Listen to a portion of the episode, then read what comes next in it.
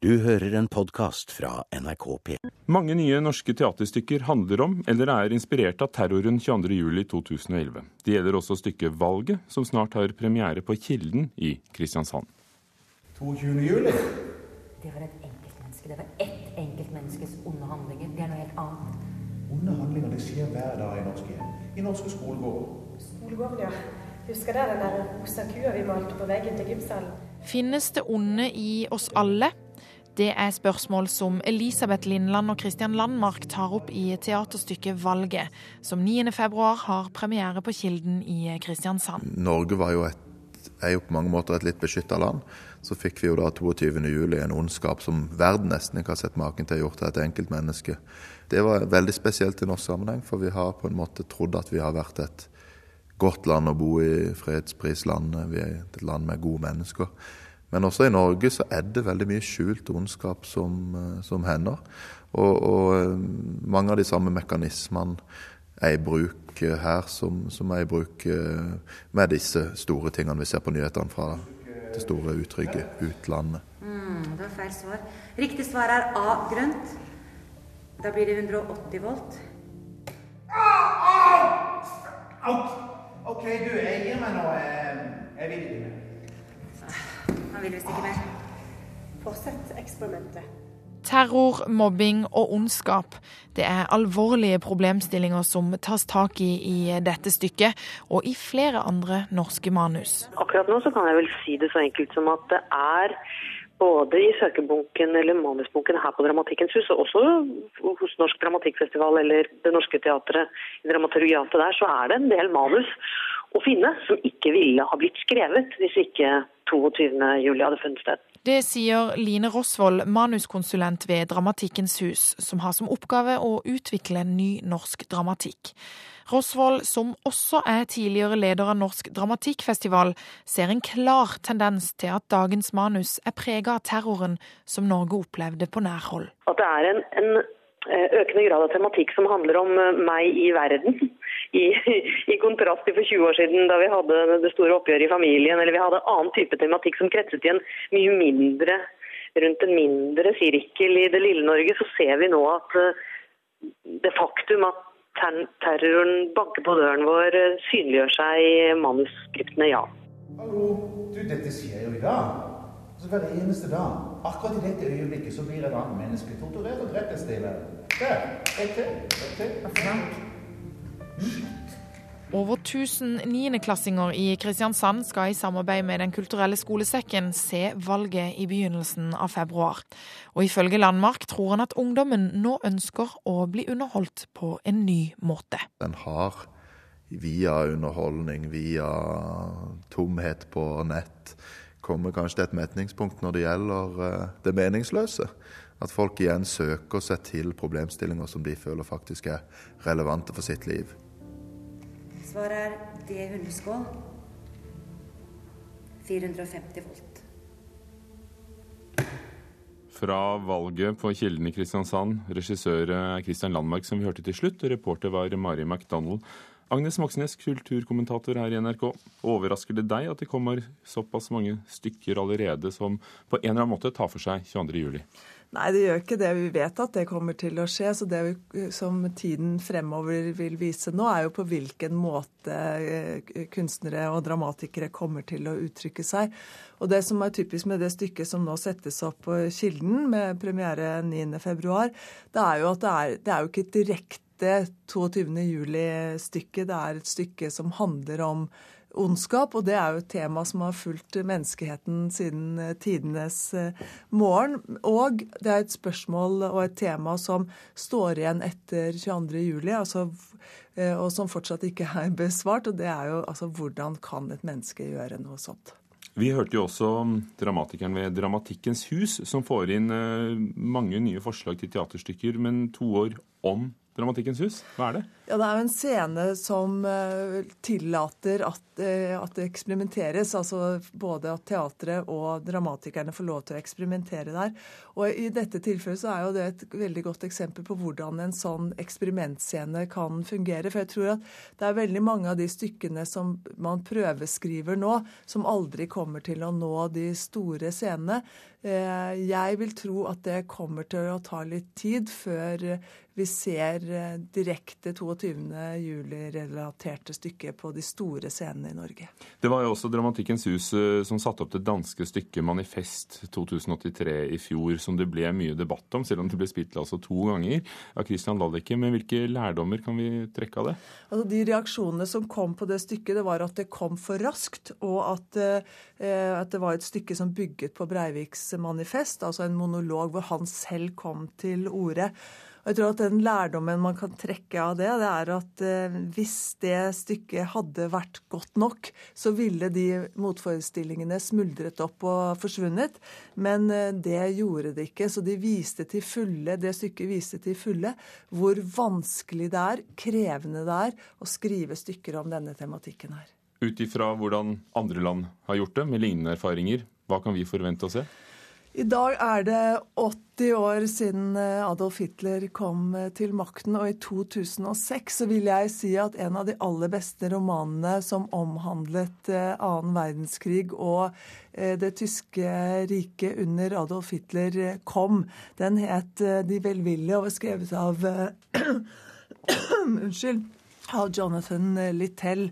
Så, og det man ser i, Hvis man går til USA da, og 11. september og etter det, så i forbindelse med tiårsjubileet, eller tiårsmarkeringen der, så kom det veldig mange teaterstykker. Så det går teaterstykker på amerikanske scener den, i dag også som handler om 11. september.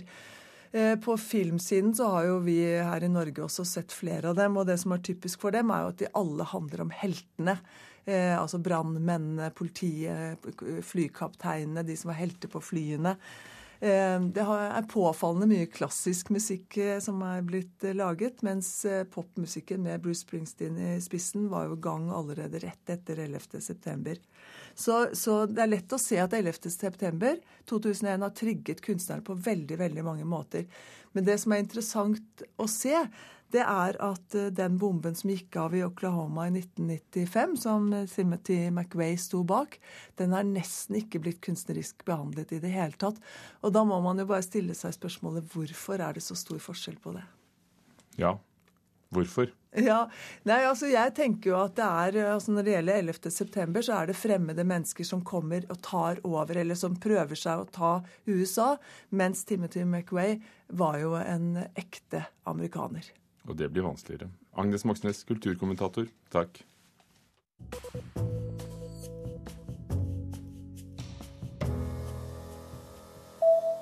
Kjære, vakre, snille mor, du har rett i korthet ord. Vær nå blid og glad. Stille! Kan jeg glede meg om jeg ville som har slekt svin til sønn? Bæ! Bæ! Ellen Horn og Dennis Storøy som Per Gynt og Mor Aase ved Gålåvatnet i Oppland. Og Per Gynt-forestillingen der er blitt et varemerke for regissør Svein Sturla Hungnes, men i år, på 25-årsjubileet, blir det hans siste forestilling. Før nyttår ble det kjent at Hungnes trekker seg som kunstnerisk leder, og nå altså også som regissør for stykket, som en kvart million mennesker har sett i løpet av disse 25 årene.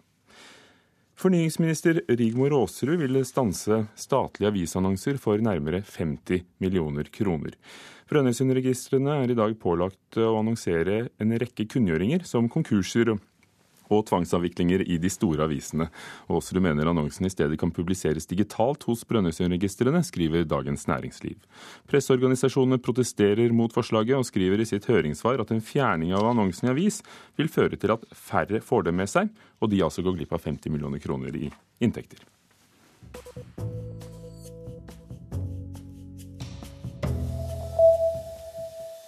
Til tross for dårlige økonomiske tider i London går billettsalget hos teatrene unna som aldri før. Hele 14 millioner billetter ble solgt i West End i London i løpet av fjoråret.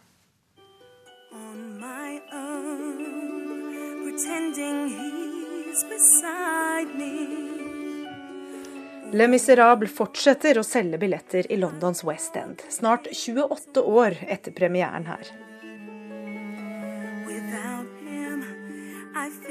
His arms around me. And when I lose my way, I close my eyes and he has found me. Men den har fått følge av en rekke kassasuksesser. I fjor spilte teater- og musikalscenene i London sentrum inn over 4,5 milliarder kroner. For niende år på rad økte inntektene og besøkstallene, og det til tross for at britene opplever harde økonomiske tider. Forrige uke kom nyheten om at den britiske økonomien nok en gang skrumper inn. Men det ser ut til at folk likevel tar seg råd til kultur.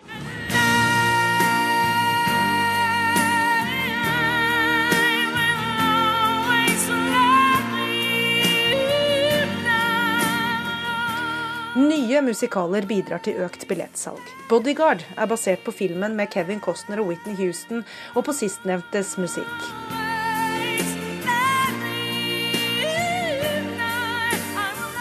Andre nye oppsetninger i 2012 som får æren for økt salg, er bl.a. Sweeney Todd og Top Hat. BBCs kulturredaktør Will Gompertz mener det er flere årsaker til veksten i Londons West End. I think there's a couple of reasons. I think there's some very big shows coming in backed by American money because it's cheaper to test shows in the West End than it is Broadway. And also the subsidized theatre is going through a golden age. Fordi det er billigere å prøve ut show i London enn på Broadway, kommer det amerikanske penger inn og støtter enkelte produksjoner. I tillegg er de subsidierte teatrene inne i en gullalder, mener Gompertz. They have become commercial producers. So, which is a big change. So you're seeing their shows like Matilda, Warhorse, One Man, Two Governors, from the Globe, we've got Richard III and Twelfth Night coming in and being huge box office sensations. And that is what's propping up the market. Han sier det er en stor forandring at de subsidierte teatrene er blitt mer kommersielle aktører, med enorme suksesser som Warhorse og Matilda, basert på Roald Dahls bok.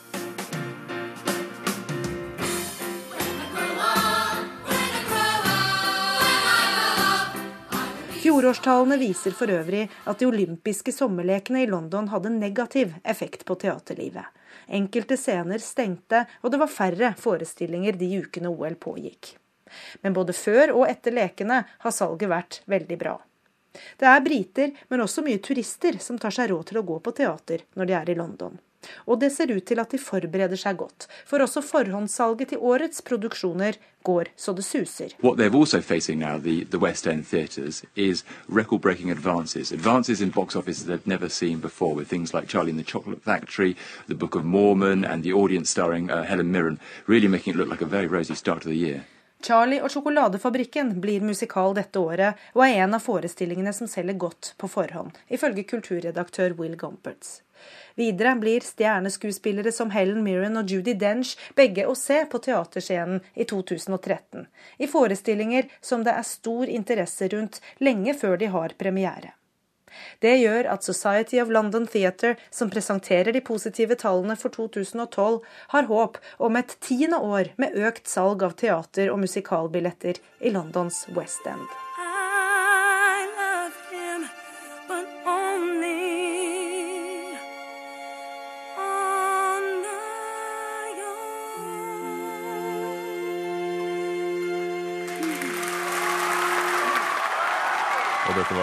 X-Factor-vinner Alexandra Burks fra Les Miserables, som kanskje er en illustrasjon på kommersialiseringen av Vesten.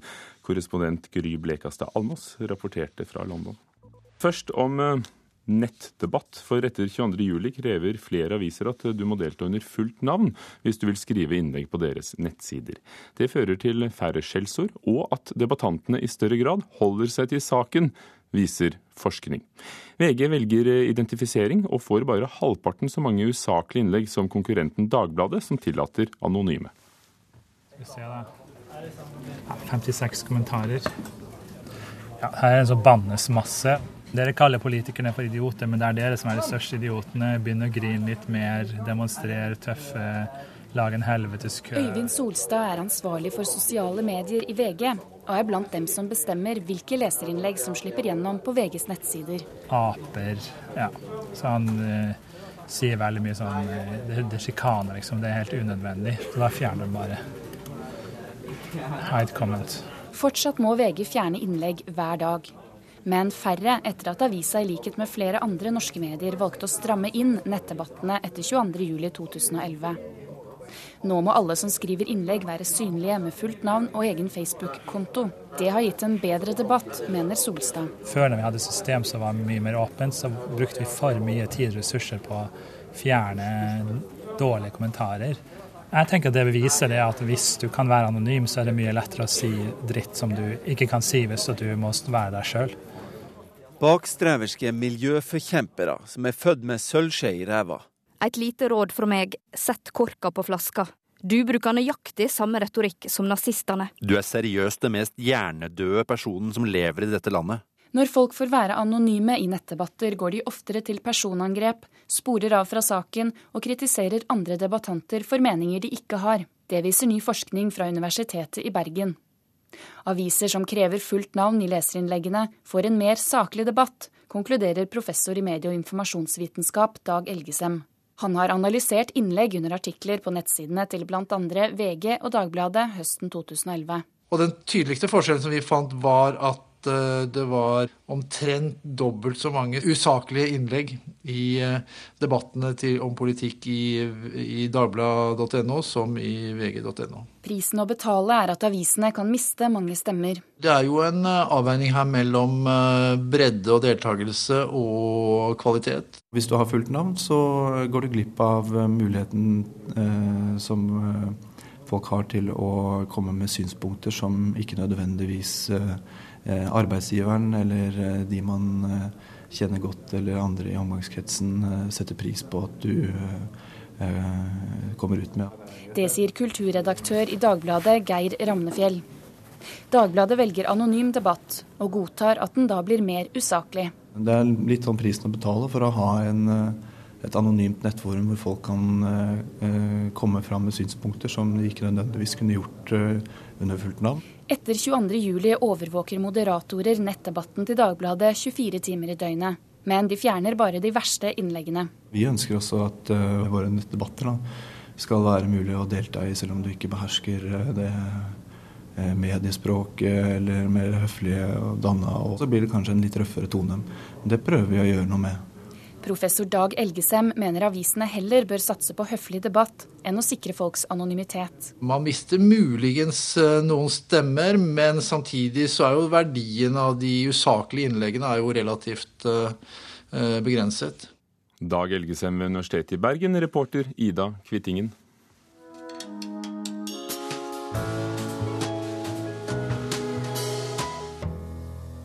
Hvordan ville du reagert hvis du i voksen alder fikk vite at faren din hadde vært SS-offiser og delaktig i nazistenes folkemord? Det er spørsmålet som to brødre må ta stilling til i romanen 'Min fars hemmelighet' av den algeriske forfatteren Boalem Sansal. Boken er skremmende aktuell, mener kritiker Knut Hoem.